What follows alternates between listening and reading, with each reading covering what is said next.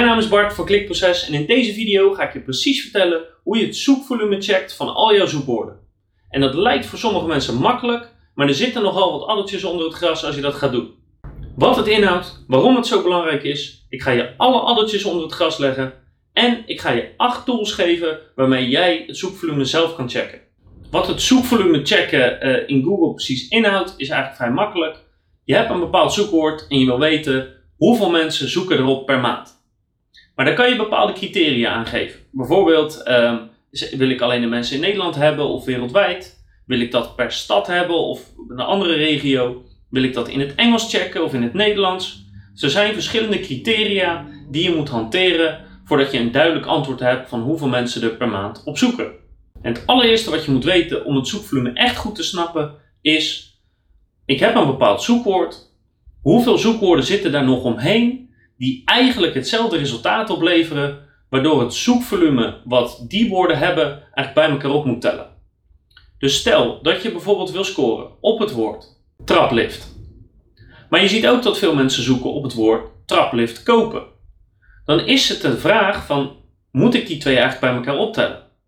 Is dat eigenlijk min of meer hetzelfde zoekwoord? Nou, in dit geval denk ik het niet, want op het moment dat je op traplift googelt, dan is dat een algemene vraag en op traplift kopen is het een hele specifieke vraag. Als iemand zoekt op een woord als traplift laten monteren of traplift laten installeren, dan is dat waarschijnlijk wel hetzelfde. Dus voordat je je zoekvolumes gaat checken, moet je eigenlijk al je zoekwoorden die dezelfde intentie hebben bij elkaar groeperen. En als je erover twijfelt, is het eigenlijk heel makkelijk. Toets een zoekwoord in in Google, kijk welke resultaten je ongeveer ziet, pak het volgende zoekwoord Typ die ook in in Google, check weer de resultaten. En als de resultaten zo'n beetje hetzelfde zijn, dan betekent het dat je de zoekwoorden moet groeperen, want volgens Google hebben ze dus dezelfde intentie. Dus het gaat niet alleen om dat ene zoekwoord. Als je echt de potentie wil weten van een zoekwoord, of eigenlijk een zoekwoordengroep, dus het maken van één pagina, dan moet je alle vergelijkbare zoekwoorden bij elkaar groeperen. En we weten uit ervaring in sommige gevallen zijn al die kleine zoekwoorden, waar misschien maar 10 of 20 of 30 verkeer op zit, extreem belangrijk en kunnen dat er zoveel zijn dat je uiteindelijk op duizenden zoekopdrachten per maand uitkomt. Dus wees hier zorgvuldig in.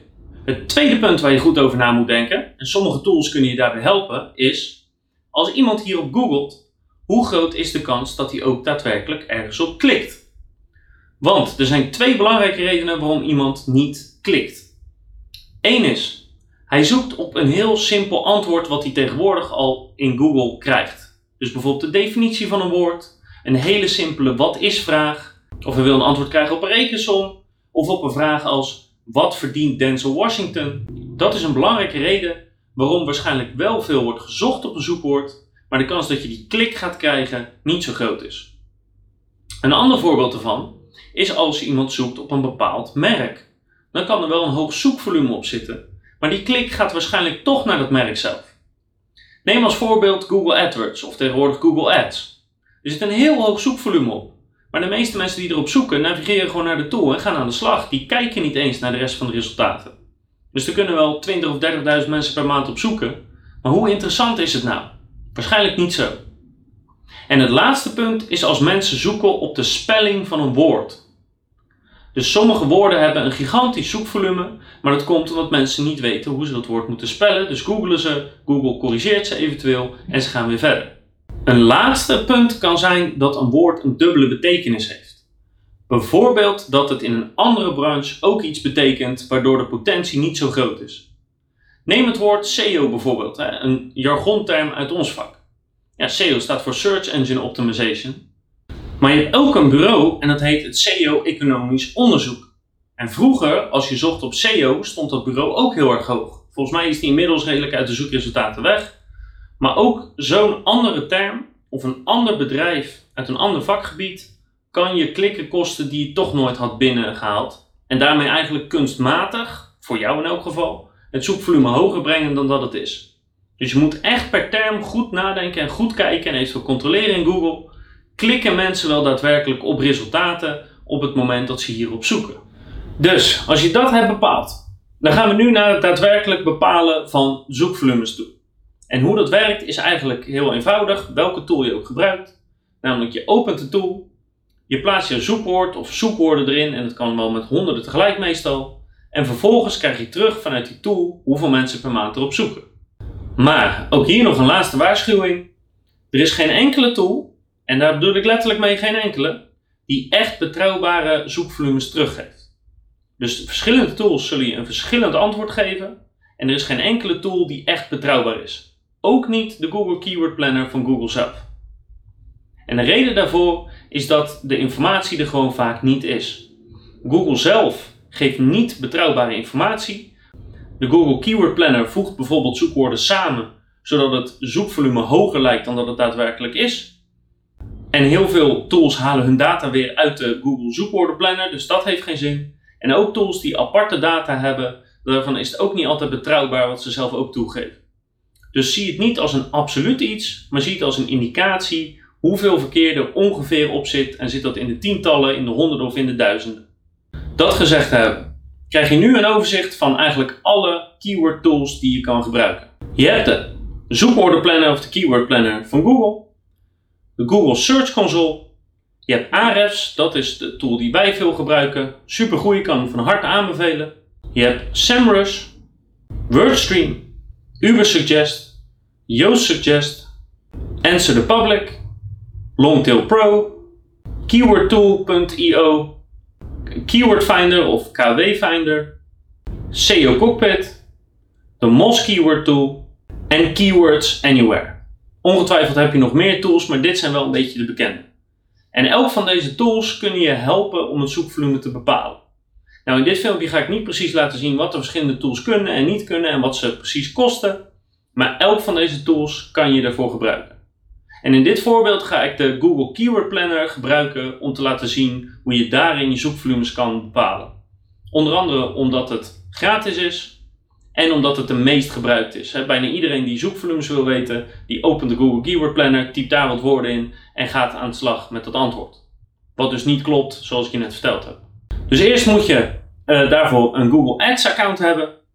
Daar log je vervolgens op in. En dan klik je even door zoals je hier zo ziet. En dan open je de Google Keyword Tool.